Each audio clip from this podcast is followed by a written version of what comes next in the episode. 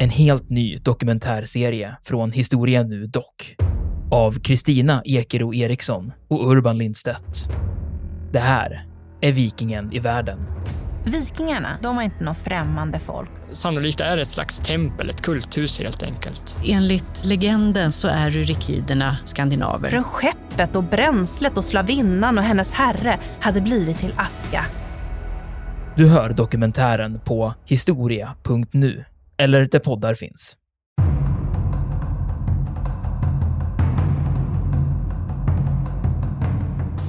Jag tycker mig se någonting typiskt svenskt här. En liten småstadsingenjör som gör karriär inom armén, har kontakter inom industrin. Han är inte liksom någon, någon eh, född aristokrat här, utan bara en vanlig liksom mekaniker som, som fattar tycke för det här. Som sitter, han blir inspirerad av, av Kalle Anka. Han sitter alltså och läser sin dotters Kalle Anka-tidning eller någonting sånt här.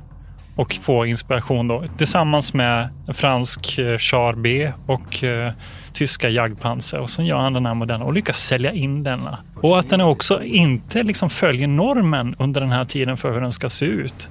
Utan de väljer en helt innovativ eh, design.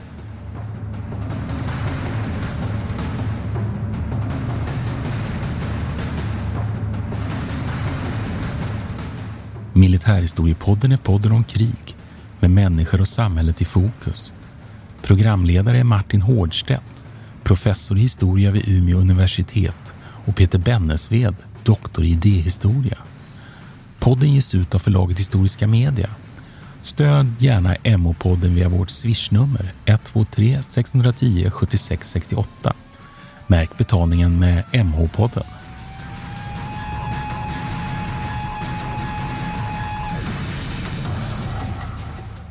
Välkomna till Militärhistoriepodden. Det här är Peter Bennesved. Och eh, Martin Nordstedt med whiskyröst idag. Ja, med lite lyssnarna eh, stå ut med. Ja. Är, det på, är den eh, whisky-inducerad eller? Eh, kan hända. Kan hända, okej. Okay. Hur som helst. Nu ska vi, det här är en milstolpe i mitt liv, Martin. Jag är ju idéhistoriker. Kan du tänka dig hur många timmar jag har spenderat med att prata om specifika fordon? Inte så många, men idag är det dags. För ja, idag, är det dags. Idag är det stridsvagn S. Precis. Jag var väldigt förtjust i min Volvo 940 som jag hade när jag var student. Men inte ens den kunde jag prata om i 40 minuter tror jag. Så vi får se hur det här går. Det kommer inte bli några problem. Men, men jag, jag är taggad. För jag märkte redan eh, för två veckor sedan så bara vaknade jag mitt i natten. Alltså vaknade svintidigt. 9.40 slog upp ögonen och det första jag tänkte på var stridsvagn 103. Jag vet inte riktigt varför, men den, den har liksom, den här, eh, det här stridsvagnsprojektet har liksom påverkat min organism på något vis. Jag vaknar om nätterna alldeles yrvaken och vet inte riktigt vad som händer. Jag känner att du utvecklas i positiv riktning. Ja, du säger det. Själv är jag mycket oroad. Men du, vad är en stridsvagn? Ja, det kan man ju, eh, det kan man ju fråga sig. Stridsvagn har ju funnits ganska länge egentligen. Visst har det funnits någon sydkoreansk variant redan under medeltiden? Alltså, ja, ja. ja alltså olika typer av eh, som bepansrade fordon om man ska... Skyddsfordon ja. och jag vet inte om man kan räkna de här till exempel äntringstornen romarna använde och sådana där saker. Ja. Men annars förknippar man ju stridsvagnsutvecklingen med första världskriget. Mm. Och de här klassiska brittiska stridsvagnarna som är ju de första som sätts in då, eh, i första världskriget. Då. För att försöka bryta dödläget. Och där ju pansarfordonet visar sig ha en oerhörd, eh, vad ska vi säga, mirakulös eh, fun funktion i att just kunna bryta upp de här stillastående skyttegravskrigen. Att kunna attackera de här kulsprutenesterna och köra över taggtråden som ju hade varit ett oerhört stort Men det här var ganska sent va, in i första världskriget? Det här är ja. ingenting som man... Eh, det här kommer, när kommer det? 1916? Nej, det är den senare delen under, under ja. äh, första världskriget och framförallt är det 1917 och 1918. Äh, och där finns ett antal slag som, som ju... Alla de här slagen och striderna, bland annat det, det klassiska slaget över Cambrai där man sätter in stridsvagnar för första gången under första världskriget analyserades ju sen på ett oerhört intelligent och intressant sätt av ju Heinz Guderian som ju blir en av de som är de stora taktiska innovatörerna när det gäller pansarkrigföringen under andra världskriget. Och han är tysk? Han är tysk är och han sitter som, som chef för en av de här pansardivisionerna som man sätter upp i Tyskland under mellankrigstiden. Och han skriver 1937 då, på uppdrag uppifrån då, en en bok som egentligen ska bli en pamflett, en, en debattbok för att föra fram pansarvapnet. Istället så skriver han en väldigt saklig och välavvägd analys där han hyllar britter och fransmän. Mm. och talar mycket om de tyska tillkortakommandena och för fram liksom, eh, pansartekniken, taktiken och pansartekniken också. Och det som är intressant i det här eh, sammanhanget som vi har anledning att komma tillbaka till, det är att han skissar ju en taktik för hur man ska tänka, hur man ska använda stridsvagnarna. En stridsteknik, en stridstaktik för pansarstridsvagnar. Eh, som vi har anledning att återkomma som, som kommer att dyka upp här och som gäller under hela kalla kriget. För det är nämligen så att det är den tyska stridstekniken som ju kommer att anammas och inte anammas under olika Ett perioder. inspel där så funderar jag på, alltså, är det inte så att man, att man har lite grann ifrågasatt hur stor roll den här, pans, den här tidiga pansarvagnen faktiskt spelar i första världskriget? Jo. Att det är, lite, är det inte lite vinnarnas historia också? Eh, eh. över det? Att efter andra världskriget när man såg hur, liksom, hur, hur stort genomslag den fick så ja. har, har, man också lust att analysera första världskriget ur samma perspektiv. Det är klart att det är på det sättet. Mm. Stridsvagnarna avgör inte första världskriget. Du märker att jag pratar om stridsvagnar. För att det är egentligen det som är så att säga, det militära begreppet. Mm. Pansarvagnar är egentligen lite äldre begrepp och lite mer civilt begrepp skulle man faktiskt kunna säga. Men stridsvagn eh, ger ju eh, eh, implikationer direkt vad det är frågan om. Mm. vi kan väl ta vad en stridsvagn... Vad, ja, vad, är det, vad är det för komponenter? Ja, och det här, det här, det här är så. Det är, olika länder har olika, eh, olika klassificeringssystem vad som är en stridsvagn och inte en stridsvagn. Och kommer vi till den här stridsvagn S så kan vi föra en diskussion då. Där, där det finns ju de som menar att det inte är en stridsvagn till och med faktiskt. Och andra menar att det är en stridsvagn. Eh, en stridsvagn är ju ett fordon som är ytterst lämpat för att slå ut andra stridsvagnar skulle man kunna börja med att säga. Eh, nu finns det ju andra fordon som kan slå ut andra stridsvagnar, men, men det är det första. Det är tungt, det är bepansrat, och det är ofta en, en tung eh, artilleripjäs. Och här är väldigt viktigt tycker jag att, att skilja mellan stridsvagnar och det som, som kanske mer skulle kunna betecknas som pansarskyttefordon. Ofta i, i nyhetsrapporteringen så gör man ju likhetstecken mellan de här. Stridsvagnar på gatorna eh, där och där. Och sen ser man på bilden att nej, men det där var ju ett, ett pansarskyttefordon. Mm. Och då är ju skillnaden ju skyddsnivån. Brukar du ringa journalisterna? Då ja, då ringer jag oerhört upprörd. Nej, men eh, då är det ju skyddsnivån att en stridsvagn har ju ett mycket, mycket tjockare pansar. En mycket, mycket kraftigare eh, kanon. Eh, och skjuter ju idag, eh, idag eh, numera ju, eh, så kallad pilspetsammunition som vi har anledning att komma tillbaka till. Som ju, det behövs en, en tillräckligt långt eldrör för att kunna skjuta, för att kunna sluta andra stridsvagnar. Och det är det mest effektiva sättet att sluta en stridsvagn idag. Eh, Medan andra typer av, av, av pansarbrytande ammunition med RSV, riktad sprängverkan, kan ju skjutas till, kan ju till och med skjuta med ett granatgevär av en infanterist. Va? Så här har vi väl någonting. Mm. Eh, tung. Vad ligger vi i, i tyngd? Ja, 40 ton. Sen har vi stridsvagnar som är ännu tyngre. Eh, Pansarskyttefordonen kanske ligger på 20-25 ton. Men hur ska man se på överföringen mellan luftvärnskanoner och artilleri generellt sett under samma period och liksom stridsvagnar? Det är ju lätt, det är lätt att tänka sig att okay, vi har, en, vi har en, eh, en, någon slags diesel eller bensinmotor, en ottomotor mm. och sen så har man en jävligt stor kanon och så sätter man ihop dem och så sätter man pansar runt och så blir det liksom en, en, en eh, en pansarvagn. Men, är, men du, säger, du, säger att den första definitionen är att det är en, en, eh, ett fordon som ska slå ut andra pansarvagnar? Ja, andra stridsvagnar. En bandkanonvagn till exempel, mm. den är ju, har ju inte som sitt primära syfte att bekämpa andra stridsvagnar. Det är ju bara indirekt, utan den ska kunna leverera då ett artilleriunderstöd.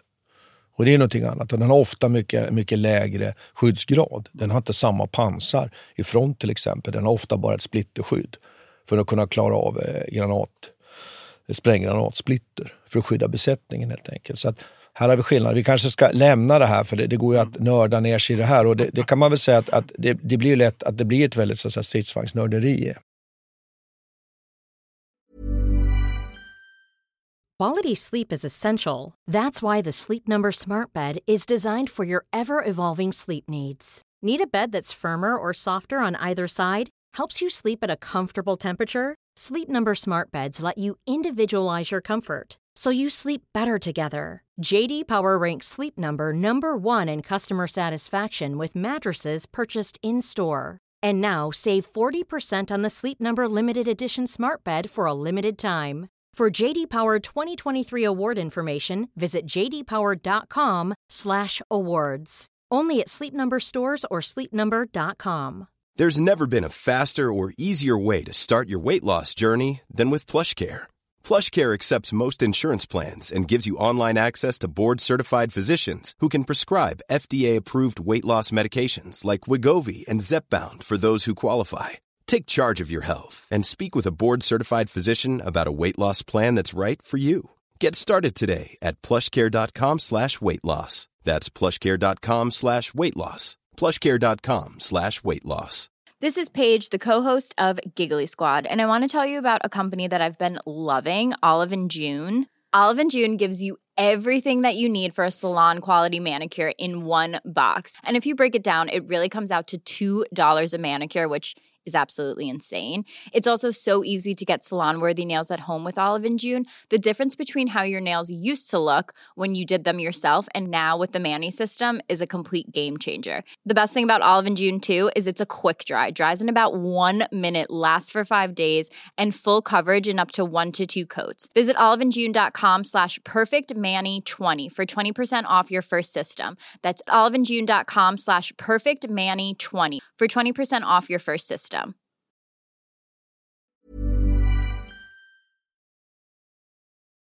Ska vi säga någonting om den här stridsvagnens tillkomst? Det kan vi göra. Och nu ska vi då fokusera på stridsvagn S. Då. Den heter också 103 ibland. Och kan du förklara den här beteckningen bara? För de, de heter ju lite olika. Det finns ju ett, vi ska prata om stridsvagn 74, 101 till 102, vi ska prata om 103. Stridsvagn 81 till och med. Det finns ja. alla möjliga. Idag finns ja, precis. Vad betyder de här beteckningarna? Ja, eh, stridsvagn S är ju stridsvagn svensk. Ja. Och det var ju så att säga ett sätt att bara helt enkelt märka ut att detta är ett svenskt projekt. Och det var ju en svenskbyggd, svensk framtagen stridsvagn. Ja, det har att göra med, med eh, beväpningen. Att stridsvagn 103 är den tredje stridsvagnen med en pjäs, alltså ett huvudvapen, en kanon i enkelt språk, eh, över 10 centimeter. Just det. Så stridsvagn 103, det är, ja just det, det är tredje försöket. Ja. Och stridsvagn 74 då, det är det fjärde försöket med en 7 ja, cm Ja, det fjärde stridsvagnen med en kanon över ja, 7 cm.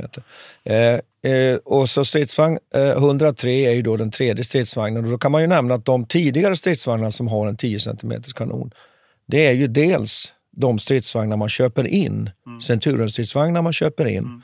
110 till antalet som har 10 cm kanon från början. Men också de 240 stridsvagnar ja. Ja, vi tar det, vi som tar man modifierar. Vi tar det snart. Ja, vi tar det snart. Ja. men det, jag kan, vi, vi gräver ner lite i aktören bakom stridsvagn S. Då, eller ska vi säga 103 eller S? Vad känns bäst? Stridsvagn S tycker jag. Ja, men stridsvagn S, vi kör. Alltså bakgrunden till det här då. Det finns ju en ingenjör här som spelar ganska stor roll. Och då får man nog säga att det finns en, eh, en gammal officer på Försvarets materialverk. Jag tror att han heter Rickard Åkerman. Inte samma Rickard Åkerman som eh, var känd från andra världskriget, gissar jag. Men han har då nedtecknat Sven Berges eh, lilla livshistoria kan man säga. Så du får tacka honom för att han har gjort det. För annars finns det faktiskt inte så jäkla mycket att säga om den här stridsvagnen. Mm. Eh, den här, det här är en historia som är ganska eh, outforskad. Hur som helst så börjar det då med Sven Berge. Han är född i Ljusdal min sambo från Ljusdal faktiskt. Så man skulle säga att Sven Berge, han, han är från Ljusdal han. Fantastiskt. Ja. Herregud. Ja, jag vet, det där var inte, det där var inte Hälsingemål det heller. Det var rumpmasmål från Falun. det var något annat. Hur som helst, han är född 1916. Eh, han dog, eh, nej, 1919. Eh, han dog 2004. Och han började sin karriär som mekaniker i Ljusdal. Och ganska tidigt så fick han åka iväg. Så han, han, åkte till, han började praktisera i Trollhättan på Nohab. Mm. Känner du till Nohab? Nej. Det är alltså eh, en jättestor industri under, under sent 1800-tal eh, och tidigt 1900-tal som byggt väldigt mycket lok och tågsätt i Sverige. Och eh, det är också de som sen kommer att bygga chassit till stridsvagn S. Faktiskt. Men så 1936 Eh, till 37 så är han där alltså och då heter det Nyqvist och Holm AB som sen blir Nohab. Och sen så åker han vidare och jobbar på Atlas Diesel precis innan krigsutbrottet och sen så då börjar han jobba, eller blir han eh, inkallad i armén.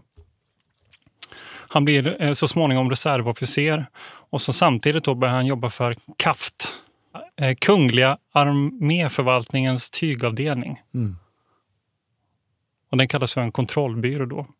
Kontrollbyrån Grupp pansarfordon som han jobbar på.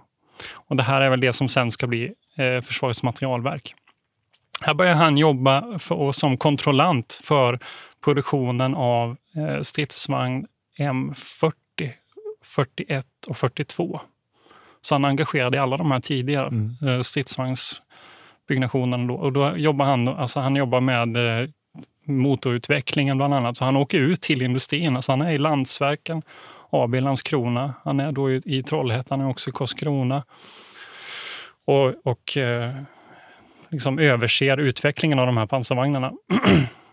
och det här det ger ganska bra resultat. Så, så småningom så kommer han att få följa med till Storbritannien efter kriget. 1947 åker han till Storbritannien och eh, får där ta del av, det här är i samband med att man funderar på att köpa då brittiska, de här, eh, deras, jag tror att de använder Cheftain vid det här taget. Just det. Ja. Mm. Det blir ingenting av med den här affären, men de åker dit för jag tror att de köper in några stycken som de ska använda för att testa med i Sverige. De, han får också ta del av ganska mycket statistik och där får han reda på rätt, en del eh, nyckeldata. Då har britterna konstaterat att egentligen inga pansarvagnar blir utslagna av eh, skott under en meter. Utan det är tornträff. Ja, Okej. det är bara tonträffar i princip. Och då har han liksom, ser han en formel här. Över, över två meter sen så blir det, ökar liksom risken med 100 procent. Av någon anledning. Ja, exakt vilken, eh, vilken uträkning han gör det, det kan jag inte svara på. Men, men det här blir eh, ganska viktigt. Och han tar med sig denna information. Och så, så när man sen ska utvärdera nästa steg då, då vill man titta på då vill man ha en svensk vagn som är ganska lätt. Britterna vill inte sälja Centurion till en början för att de har ekonomiska problem och de vill ha dem själva. Mm. Så då kollar man på franska vagnar, AMX 13. Den är väldigt lätt. Och den har också ett väldigt eh, litet torn, kompakt torn med automatladdning. Det här är också någonting som stridsvagn S kommer ha. Den har ju inget torn, men den har en stor kanon inopererad i chassit med automatladdning. Mm. Så AMX 13 åker han till Frankrike och tittar på. Då funderar man på att köpa nästan 400 sådana här vagnar. Men då, mitt i detta, så vänder britterna på grund av sina ekonomiska problem igen och beslutar sig för att ändå sälja Centurion till Sverige. Så då köper man de här första 80 vagnarna 1953. Ja, med 8 centimeters kanon. Precis, som då blir stridsvagn 81. Eh, Men trots det så bestämmer man sig för att, att eh, vi behöver någonting mer för att komplettera här. Exakt hur de resonerar här skulle vara intressant att veta, men det kanske du kan svara på. Alltså vad skillnaden egentligen i stridsvagn S rent taktiskt och, eh, och stridsvagn 81 då, men det kan vi diskutera senare. Nej, men det är att man är medveten om att Centurion ändå är en vagn som kommer så småningom att bli föråldrad. Nu kan vi ju lägga till det direkt att Centurion visar sig ha den fördelen att den går att modifiera Mm. ganska långt. Eh, Och det är ju en styrka hos en konstruktion, att det går att göra det. Sen kan man naturligtvis diskutera huruvida Centurion hade så mycket att göra på slagfälten när vi kommer fram till Mm. slutet av 80-talet. Men en annan sak. Men den, den går, har en väldigt mycket längre livslängd. Men man vet att man måste skaffa en ny modern stridsvagn. Och då satsar man ju på, efter många abrovinker, att ta den här Sven Berges konstruktion och satsa på en, en stridsvagn med en helt unik, liksom världsunikt koncept i det lilla Sverige, det alliansfria Sverige. Och vad är det då för konstruktion som man erbjuder? Jo, det är ju då en ganska lätt vagn med endast två besättningsmän egentligen. Inledningsvis. Inledningsvis. Det blir ju ja. tre Ja, sen, det ska blir tre sen så småningom, men Ja. den, den öppnar med två. Och det här är ett viktigt säljargument då. Just att det bara ska vara två. Mm. Den har inget torn eh, och den har en förhållandevis då stor kanon. Och, det är liksom, och den ska då vara billig att producera, dels på grund av vikten. Och sen så en bidragande orsak här som man också kan diskutera mer är huruvida det här ska vara en svensk, en svensk produkt som är helt enkelt helt och hållet beroende av svensk industri. Och det skulle vara intressant att för något framtida historieprojekt och ta reda på hur, hur pass mycket det vägledde egentligen beslutet att ta det här? Ja, alltså att de vad ska jag säga, eh, krav man sätter upp för den här stridsvagnen mm. anpassas de till att det ska vara svensk industri. Det blir Bofors som, som, producerar den här sen. Det blir Bofors, det är Volvo som gör motorn, i alla fall ja, den första motorn. Och sen är det Landsverken som, som är med och gör mm. komponenter till drivlinan. Och sen är det Nohab som gör chassit. Mm. Så det är fyra enorma mm. krigsindustrier i Sverige som får det här uppdraget. Mm. Och det är ju eh, en ordentlig miljonrullning kan man säga. Ja, det kan man säga. Och där, det där är ju en sak som vi inte kan vi inte klarlägga här, men det är klart att man det ligger ju i sakens natur när det gäller de här krigsmaterielinköpen och det har ju gällt JAS och allting annat också. Att här, här, här väger man ju mot e, e, e, egen utveckling, egen vapenindustri. Är man en alliansfri stat, då vill man ha det här i sina egna händer. Det kan vi väl tillägga det att det kommer så småningom komponenter till den här motorn. Vi behöver inte gå in på allt i detalj här, va? men den är ju tvådelad och så vidare. Och där blir att man byter ut den sen och får ju amerikanska delar till dess. Man blir ju ändå beroende av... av, av jo, man köper precis. Man köper ja, en eh, import. Va? Men, Detroit. Men det är ju fascinerande att ett litet land, land som, som Sverige vid den här tiden eh, ju satsar på att utveckla ett eget Jo, absolut. Det, är, det tycker jag är superfascinerande. Men det finns det kan inte så många länder som gör det. Nej, och, och jag menar utanför den här stormaktskretsen, om vi nu räknar då Storbritannien, Frankrike, kanske i viss mån Tyskland och, eller Tyskland, Sovjet naturligtvis under kalla kriget, USA, så är det några få länder. Det är ju Israel och Sverige. Och det kan man tillägga här att Sverige ju producerar ju fullständiga vapensystem. Allt från stridsflygplan ner till så småningom egen automatkarbin och, och, och, och ja, det, det kan man ju naturligtvis tycka är fascinerande. Då kan man fråga sig, är det samtidigt också ett problem? Därför att räknar man på det här och tittar vad, vad, vad, vilka kostnader då tyskarna till exempel har för sina första serier av, av Leopard, då visar det sig att den kostnaden kanske är den halva. Samtidigt är ju det lite kan man ens jämföra? Tyskland är ju en, Nej, det kan man inte göra. Det är mycket större serie. Det vi kan konstatera och som, som ju rimligt är att hade, hade man valt att köpa till exempel Leopard, du var inne på den franska stridsvagnen, så, så är det min övertygelse att man hade fått en, fått en billigare affär. Samtidigt då, ett alliansfritt land. Mm.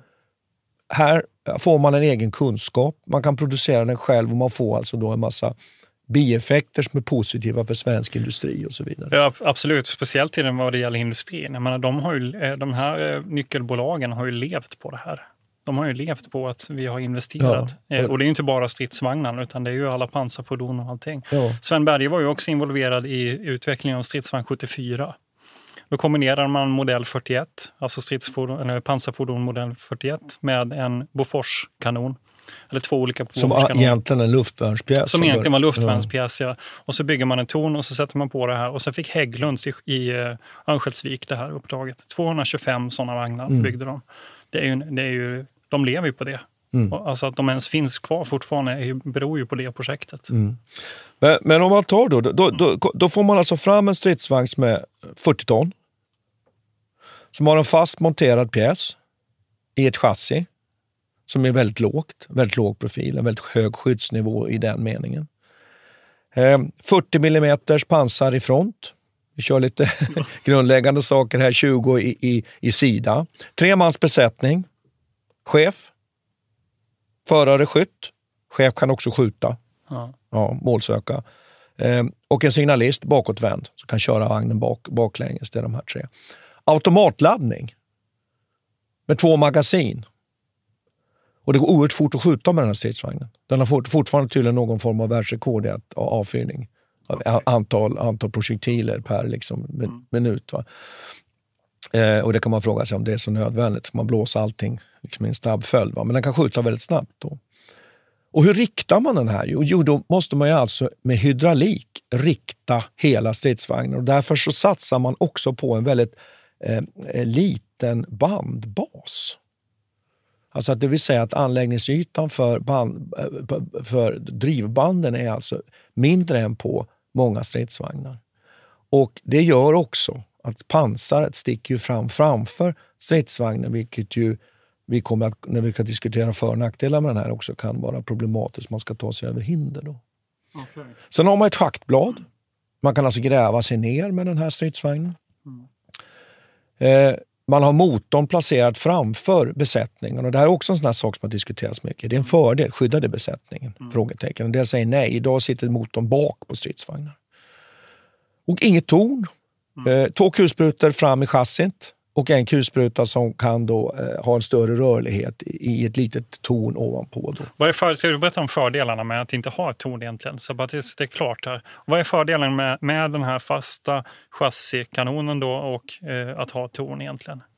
Ja, det, som, som jag förstår saken så är det så att enda fördelen med att, enda fördelarna med att inte ha ett torn, det är som du har varit inne på, träff, träffrisken, att du får en högre skyddsnivå genom att vagnen är lägre. Och det kan man ju diskutera då. Och då, är alltså, och då kan man tillägga här då att stridsvagn 100S, eller stridsvagn S, inte, inte 100S, den är ju som utformad som en kil nästan. Alltså ja, den är lite precis. Tittar, den, är, den är som pilformad. Lite, lite Saab över den faktiskt. Ja. ja, det var dåligt. Men sen kan man säga att en annan sak är ju att du kan skjuta då när du väl har kommit i eldställning med den här eh, stridsvagnen. Så går det att skjuta med en väldigt hög precision. Och där kan man då diskutera, skjuter man då med högre precision än med en tornstridsvagn? Ja, det kan man då göra för att det är färre delar mellan så att säga projektilen.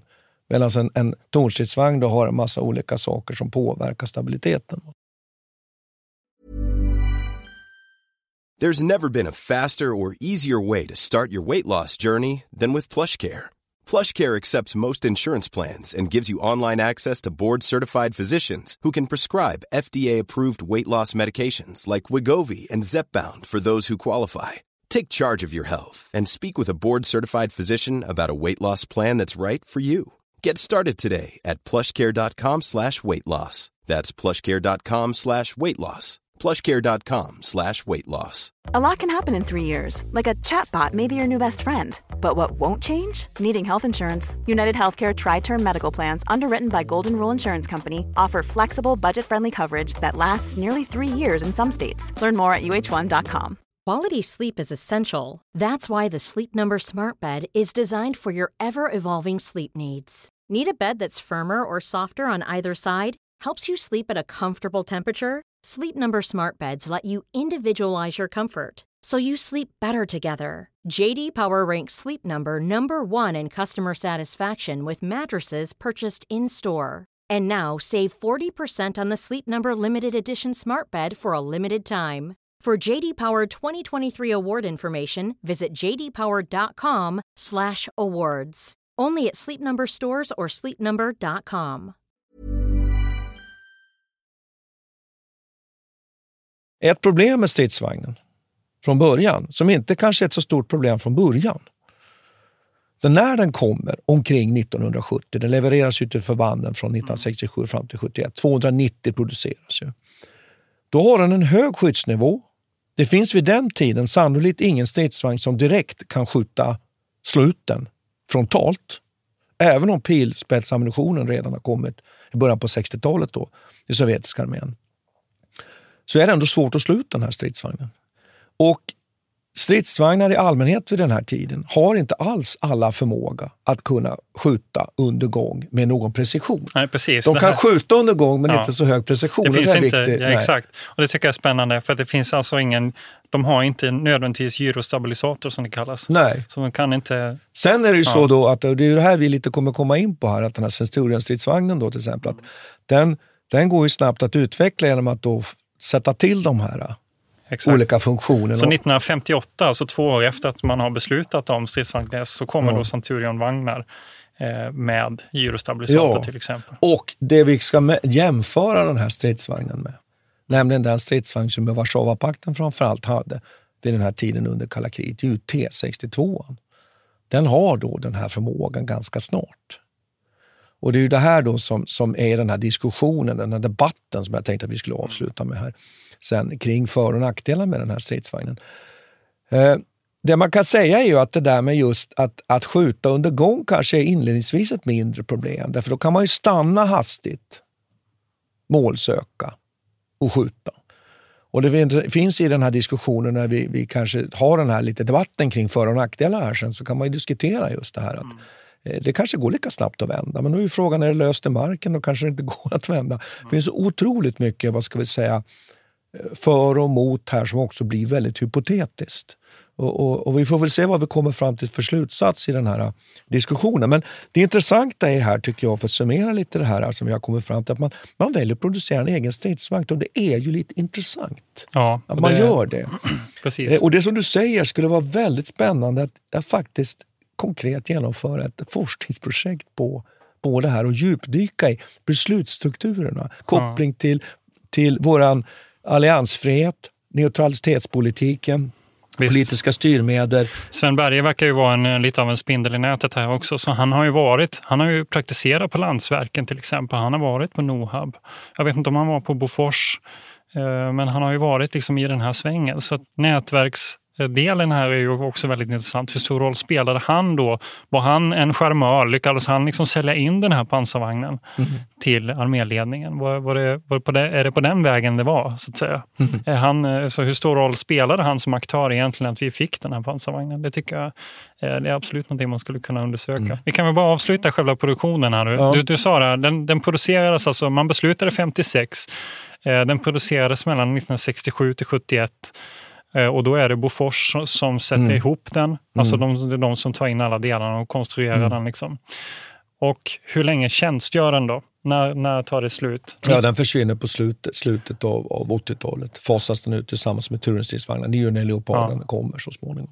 Precis. Och jag kan säga faktiskt att jag under min, min eh, tjänstgöringstid, som just ju var i slutet av 80-talet och början av 90-talet, så, så fanns ju den här stridsvagnen. Men var det inte, läste inte jag 97? Ja, sen kolla. finns stridsvagnen kvar. Va? Eh, det är ju till exempel så här att den här stridsvagn, och, och, och, eh, stridsvagn 74, ja. den, eh, man flyttar ju ner de här och gör ju dem till infanterikanonvagnar som det heter, alltså som för, för direktunderstödet på, på infanteriförbanden. Så att en del av de här lever kvar.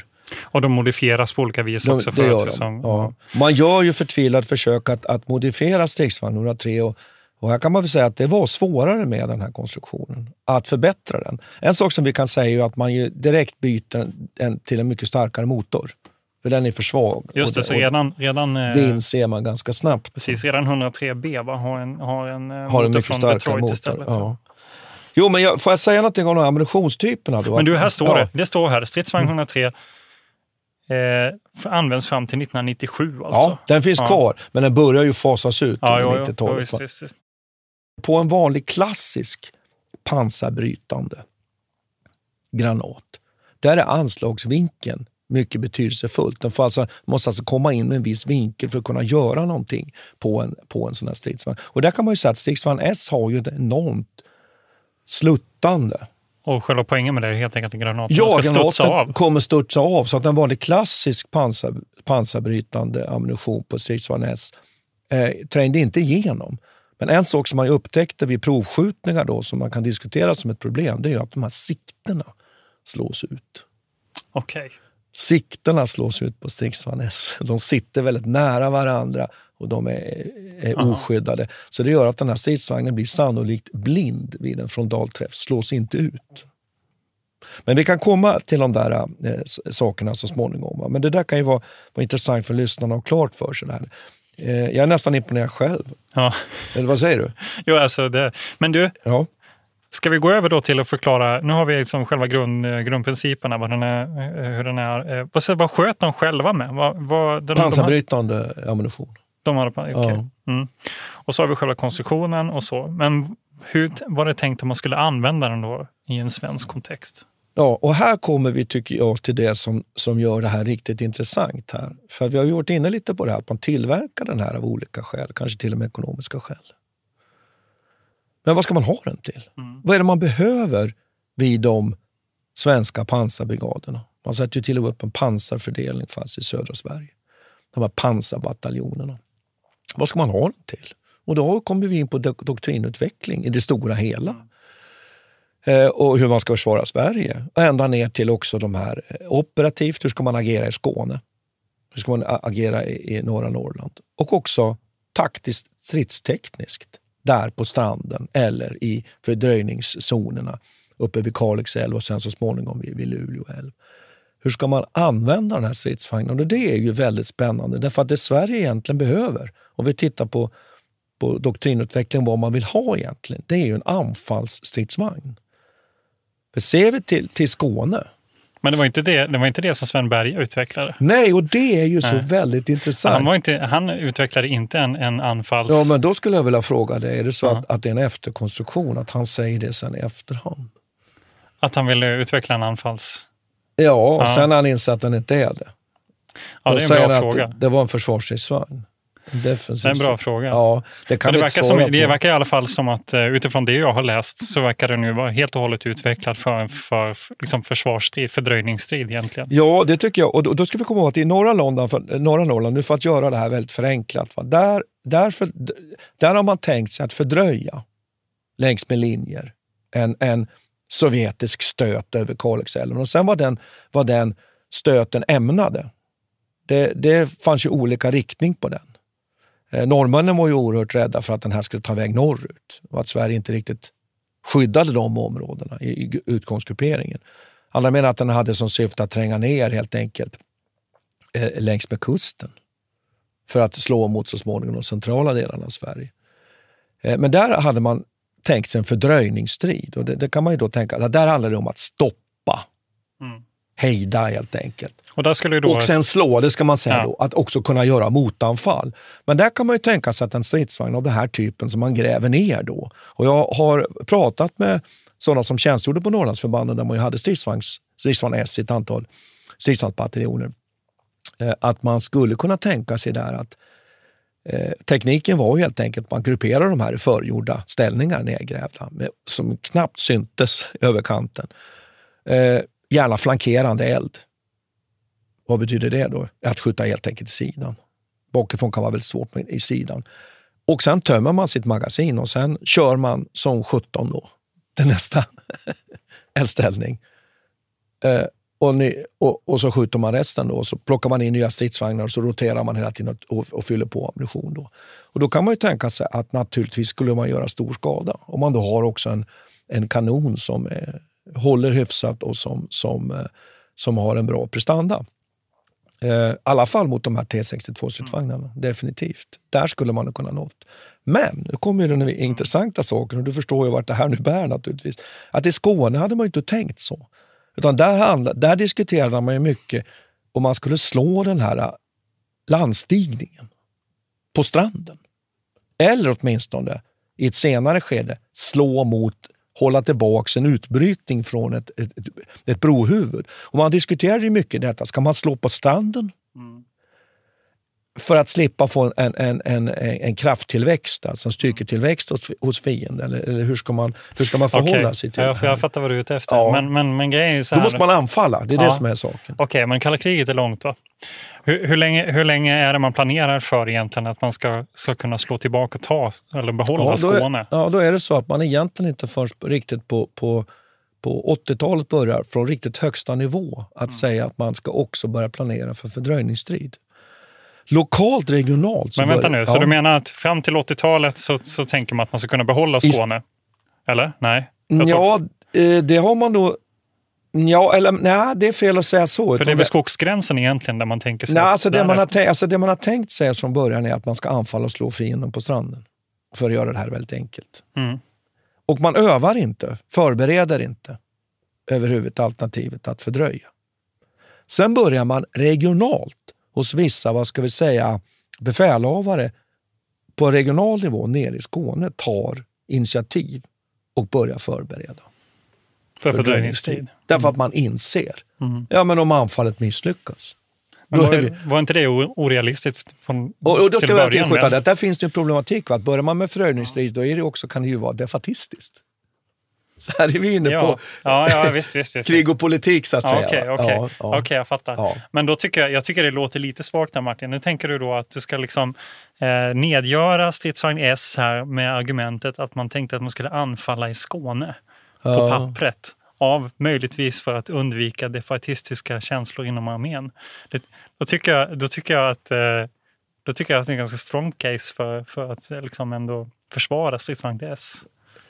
Ja, alltså, saken är ju att man har en stridsvagn som kanske inte är så där lämpad för anfallsstrid som den hade kunnat vara. Mm. Utan man har en stridsvagn som kanske egentligen har sin största Om vi nu ska prata så att säga, positiva termer stridsvagn S så kan man säga så här. Eh, den har en unik konstruktion. Använd dess specialitet. Använd den då i, i, i fördröjningsstrid. Och då kan den kanske fungera som vi, vi, vi pratade om alldeles nyss i. Men, men jag skulle vilja säga, bara säga så här, ja. det intressanta är också att det finns en annan, annan sak här som, som vi inte får glömma bort. Och det är att direkt efter andra världskriget, då vill man använda stridsvagnarna på tyskt vis. På tyskt vis. Och vi har varit inne på det här när vi pratade om Polenfälttåget. Mm. Nämligen att man vill renodla stridsvagnsförbanden. Stridsvagnskompanierna består bara av stridsvagnar. Och de anfaller. Och sen kommer infanteriet mekaniserat uppsuttet på pansarskyttefordon. Men här gör man under en mellanperiod, för att göra det här lite enkelt, så gör man under från 1949 reglementena och fram alltså, lång, en lång bit in, in egentligen ända in på 80-talet, så mixar man organisationen. Det vill säga att man i de här stridsvagnskompanierna har också dels pansarskytteplutoner och på bataljonerna har man pansarskyttekompanier. Och vad är problemet? Jo, de har lägre skyddsnivå. Så när man går in i ett anfallsskede så har den här stridsvagnsbefälhavaren, oavsett om det är på kompanivå eller på bataljonnivå, så har han en massa pansarskyttefordon med lägre skyddsnivå. Dessutom kanske rent av trupp. Som springer på marken? Ja. Mm. Och vad händer då? Det är omöjligt att leda striden. Mm. Och därför går man sen så, så att säga, tillbaks till, så småningom, då, som jag har förstått bland de här, när man läser litteraturen, då, att kring den här pansartaktiken, att man renodlar sen så småningom faktiskt.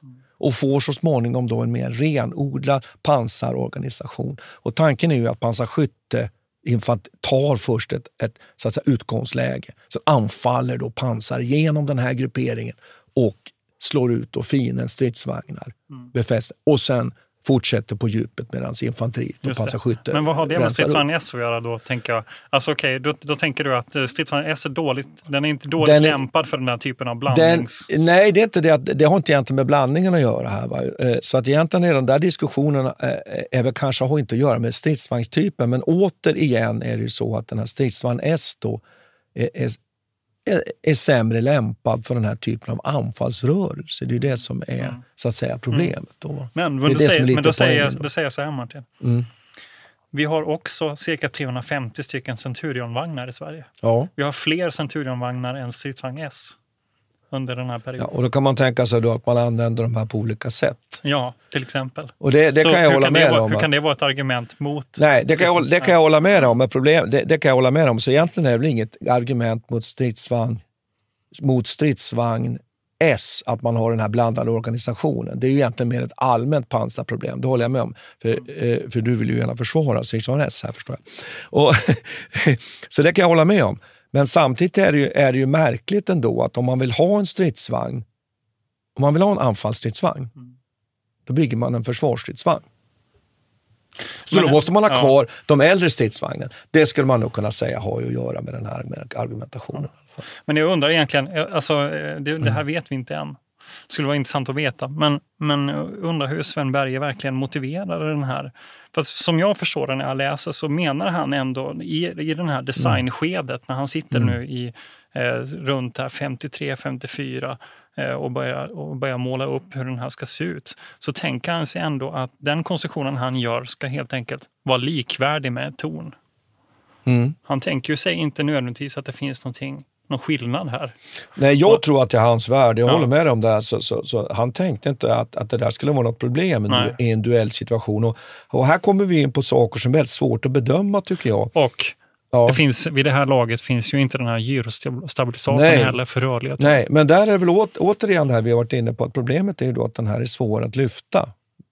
Det är ett mycket, vad ska vi säga, oflexiblare koncept, den här striktson mm. um, och där kan man diskutera oändligt den här, den här duellsituationen. Och läser man litteraturen, och det kan ju, kan ju lyssnarna själva göra.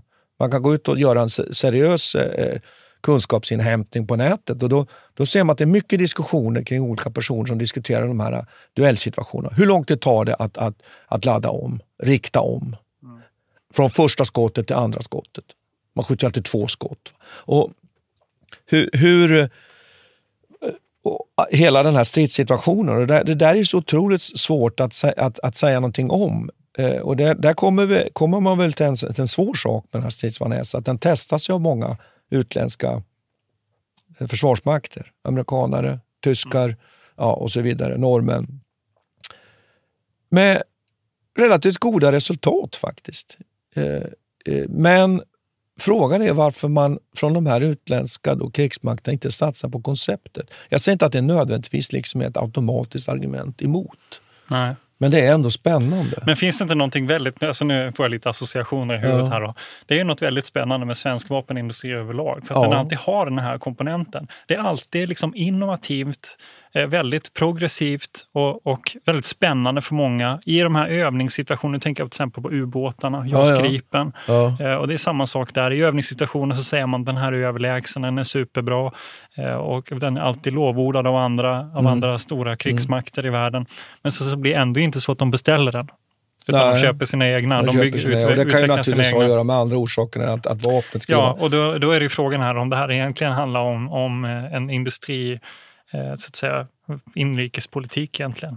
Alltså hur, mycket, mm. hur mycket av det här är mm. egentligen bara inrikespolitik? Och en sak jag slås av att mycket av den krigsmateriel som Sverige har fått såld, mm. jag kan nämna två saker. Bofors 40 mm luftvärnspjäs. Ja. Åh gud, det, det, ska vi ha ett avsnitt om sen. Granatgevär Carl Gustaf till exempel. Ja. Det är ju enkla vapen egentligen. Det här är för komplicerat. Och Det som är så enormt fascinerande med stridsvagnen är att den har så mycket tekniska lösningar.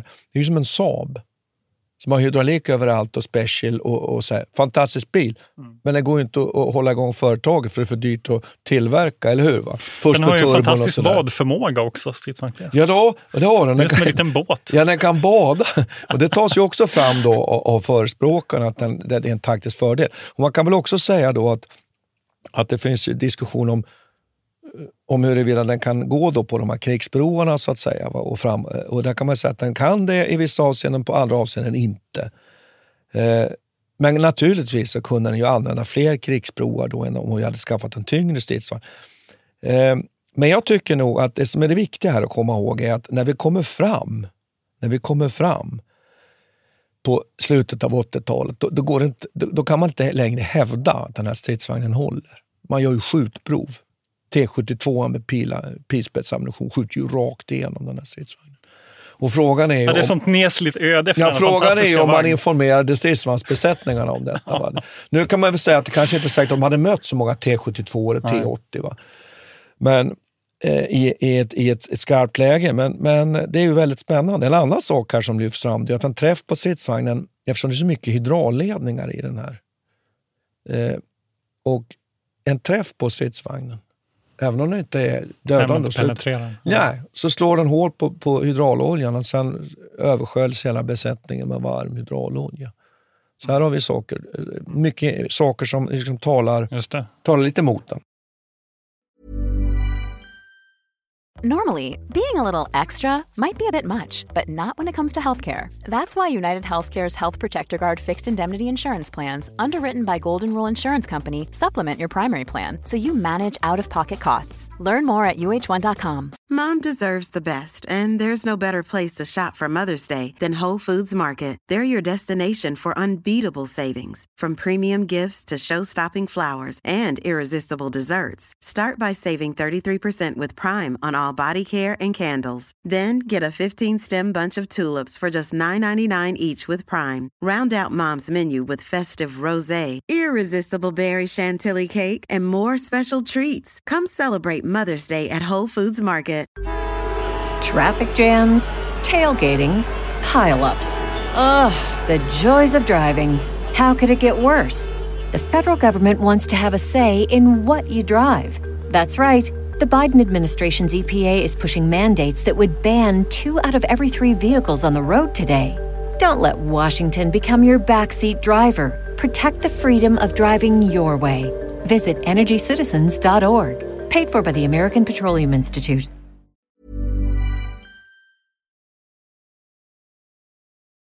Om vi ska liksom samla ihop intrycken här nu då. Ja. Nu börjar vi närma oss slutet. Ja. Alltså jag är ju ändå, jag tycker att den här är en fantastisk kärra ändå. Alltså jag, jag gillar verkligen. Och jag, men, men, men kanske framför allt för att jag, tyck, jag tycker mig se någonting typiskt svenskt här. En liten småstadsingenjör som gör karriär inom armén, har kontakter inom industrin. Han är inte liksom någon, någon eh, född aristokrat här, utan bara en vanlig liksom mekaniker som, som fattar tycke för det här. Som sitter, han blir inspirerad av, av Kalle Anka. Han sitter mm. alltså och läser sin mm. dotters mm.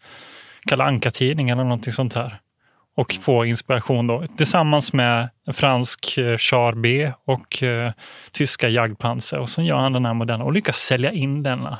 Och så får han producera 290 stridsvagnar. Och så får han producera 200, alltså ett enormt industriellt projekt. Och det håller jag med dig om att ser man det på det sättet så tycker jag, tycker jag att det är en väldigt fascinerande Och att den också historia. inte liksom följer normen under den här tiden för hur den ska se ut. Nej. Utan de väljer en helt innovativ eh, design. Men, men om...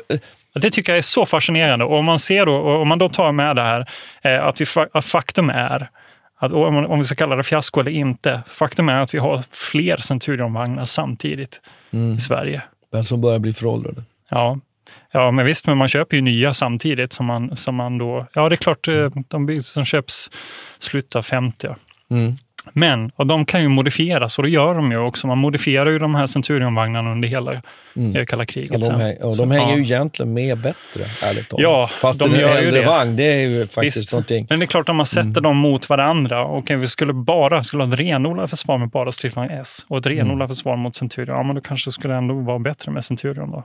Men, i det här, men det, så är det ju inte, utan vi blandar ju hela tiden under, under den här perioden. Men det som jag är lite, eh, jag, jag förstår din fascination, mm. och den, mm. men, men, det som jag kan liksom vända mig mot är lite så här, eh, jaha men vi producerar en liten sån här experimentvagn och så ser vi lite vad vi kan använda den till. Och där finns ju ett argument eh, för stridsvagn, att många brukar säga så här, ja men många av de som skulle hantera den här, man skulle ha utvecklat taktiken efter stridsvagnen, man skulle ha förstått dess fördel, man förstod inte vad man hade, man visste inte vad man skulle använda den till. Pansarofficerarna var för dumma för att förstå vad man skulle använda den till. Men det, det tycker jag ändå lite det liksom tycker inte jag håller. Så att jag skulle, kan väl tycka liksom, man kan inte producera en stridsvagn bara för att, för att den om vi säger en kul kärra. Det, det tycker jag är lite, är lite svagt. Utan då skulle man, jag tycker jag, sagt så här. Vi ska ha en försvarsstridsvagn som vi tänker gräva ner. Mm. Den är, den, är, den inhemsk industri, det är viktigt för oss att producera en egen stridsvagn. Vi vill, vi vill pröva, vi tror på den här konstruktionen. Då hade vi kanske kunnat, kunnat leva med det mera. Men tittar man på skyddsnivån här så vad är, vad är fördelen med den då? Skyddsnivån? Ja, den är låg. Och den håller under den första halvan av sin tid i alla fall någorlunda. Det kan vi säga. Den är ju när den kommer har den en väldigt hög skyddsnivå. Det är ju väldigt positivt. Negativt är sen att, att, så att säga, tiden eh, rinner iväg ifrån den. Då. Eh, när det gäller att skjuta, där är ju problemet att den inte kan skjuta under gång. Nej. Och Frågan är där, hur stor betydelse har det då? Mm. Och där finns det olika, och det kan inte du och jag egentligen tycker jag reda ut här. Eh, och alla simula simulatortester och allting som man har gjort, eh, det går inte att komma ifrån att den är ju inte testad i, Nej.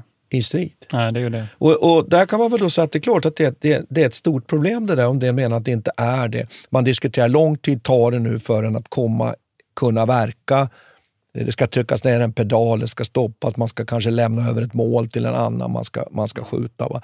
Man övade ju annars vid de svenska pansarförbanden som har förstått saken rätt att när man eh, går till anfall så har man laddat pansarbrytande. Och vid observation, då trycker man första projen för att få verkan bara framåt, chocka motståndaren, kanske få motståndaren att ta skydd. Därefter omladdning och, sen, sen riktar ja. man precision. Va? Men det, det försökte Sven Berger lösa genom att ha att skytten och föraren är samma person. Ja, och, men där finns det också såna där ja. man har gjort såna tester. Då, att mm. I vissa fall så ser stridsvagn S väldigt bra och kan mål söka och målidentifiera. I andra tester är den underlägsen. Och det är, jag tycker det är så svårt att ta ställning till de mm, här. Vi som är, ska vara vetenskapsmän, det kan man ju kanske ifrågasätta, jag vet inte. Men, men i alla fall, så, så tycker jag att det tycker jag är väldigt svårt att förhålla sig jo, till. Alla de här testerna. Jag tror, jag tror att det håller, håller, vi med om. Däremot är det så att den skjuter med väldigt hög precision när den väl skjuter. En annan sak är att den kan inte skjuta riktigt så tidigt som andra stridsvagnar eftersom den ju inte har målobservation. Men om den redan är positionerad så är ju inte det heller ett problem. Nej, och det är klart att om man ser den då som en ja. pansarvärns kanonvagn, de har ju degraderat den nu då, då är den naturligtvis användbar. Det är väl alldeles självklart. Va? Eh, en annan sak är tillförlitligheten. Vi har inte pratat om det så mycket. Det här alltså, hur orkar den gå? Motorerna strejkar de? Blir det haverier och sånt där? Och där finns ju mycket olika uppfattningar tycker jag. De utländska testerna som görs, där går det riktigt bra. I Sverige har man ju en annan uppfattning om det där. Eh, den har svårt att ta diken, hör du. Det är en diskussion. Men du, Martin. Ja. Nu måste vi runda av här. Måste vi runda av? ja. Men då skulle jag vilja säga så här, att, att eh, sammanfattningsvis skulle jag vilja säga med Stridsvagn S så tycker jag att det som är eh, det stora problemet när vi ska bedöma den här, huruvida den var ett fiasko eller om den var en fullständig succé eller genial, den, det är ju faktiskt att den inte är prövad i strid. Nej, och när det. Discovery då eh, rankar den här som, jag tror det var den femte eller sjätte bästa stridsvagnen i, i världen och jämför den med stridsvagnar som faktiskt har varit i strid, då tycker jag att då blir det problematiskt. Ja, det låter Men, men om, man, om man ser det som, en, som ett slags eh, vapenindustriellt projekt eh, för Sveriges del som med syfte att, så att säga, kanske bara eh, symboliskt skrämma, eh, skapa någon slags tröskeleffekt rent eh, Mm. liksom, symboliskt då, gentemot eh, österut. Mm. Och också med, med de här vapenindustriella fördelarna, att det sätter folk i arbete och eh, utvecklar industrin och så vidare. Då kan man ju se det på, alltså om man, om, förstår du, om man ser det mer som ett samhällsfenomen Mm. Ja, och ja. inte nödvändigtvis som en, som en vagn som ska vara i operativ strid. Så då är det ju, ja då är det inte lika säkert. Då är det, Nej, det är inte lika snart- säkert. Då är det, det är naturligtvis en intressant företeelse. Men då är Ja. ju frågan så att säga, eh, eh, skrämmer man Ja, jo. motståndaren med stridsvagn S? Ja, Men vi, jag tror att vi kommer inte längre. Nej, jag tror inte det. Jag tror vi får, Och, det, tack, jag tror vi säga och vi tack försökte ha. vara lite oeniga, men jag tycker Ja. nog att vi egentligen var ganska eniga. jag vet, jag vet. Det är svårt. Men är vi svårt. får väl tacka, tacka Ja. lyssnarna. Ja, tack ska vi ha. Tack ska vi ha. Ja. Vi tackar Peter Bennesved och Martin Hårdstedt. Kontakta gärna Militärhistoriepodden via mail på militarhistoriepodden historia.nu. Peter och Martin vill gärna få in synpunkter och förslag till programidéer.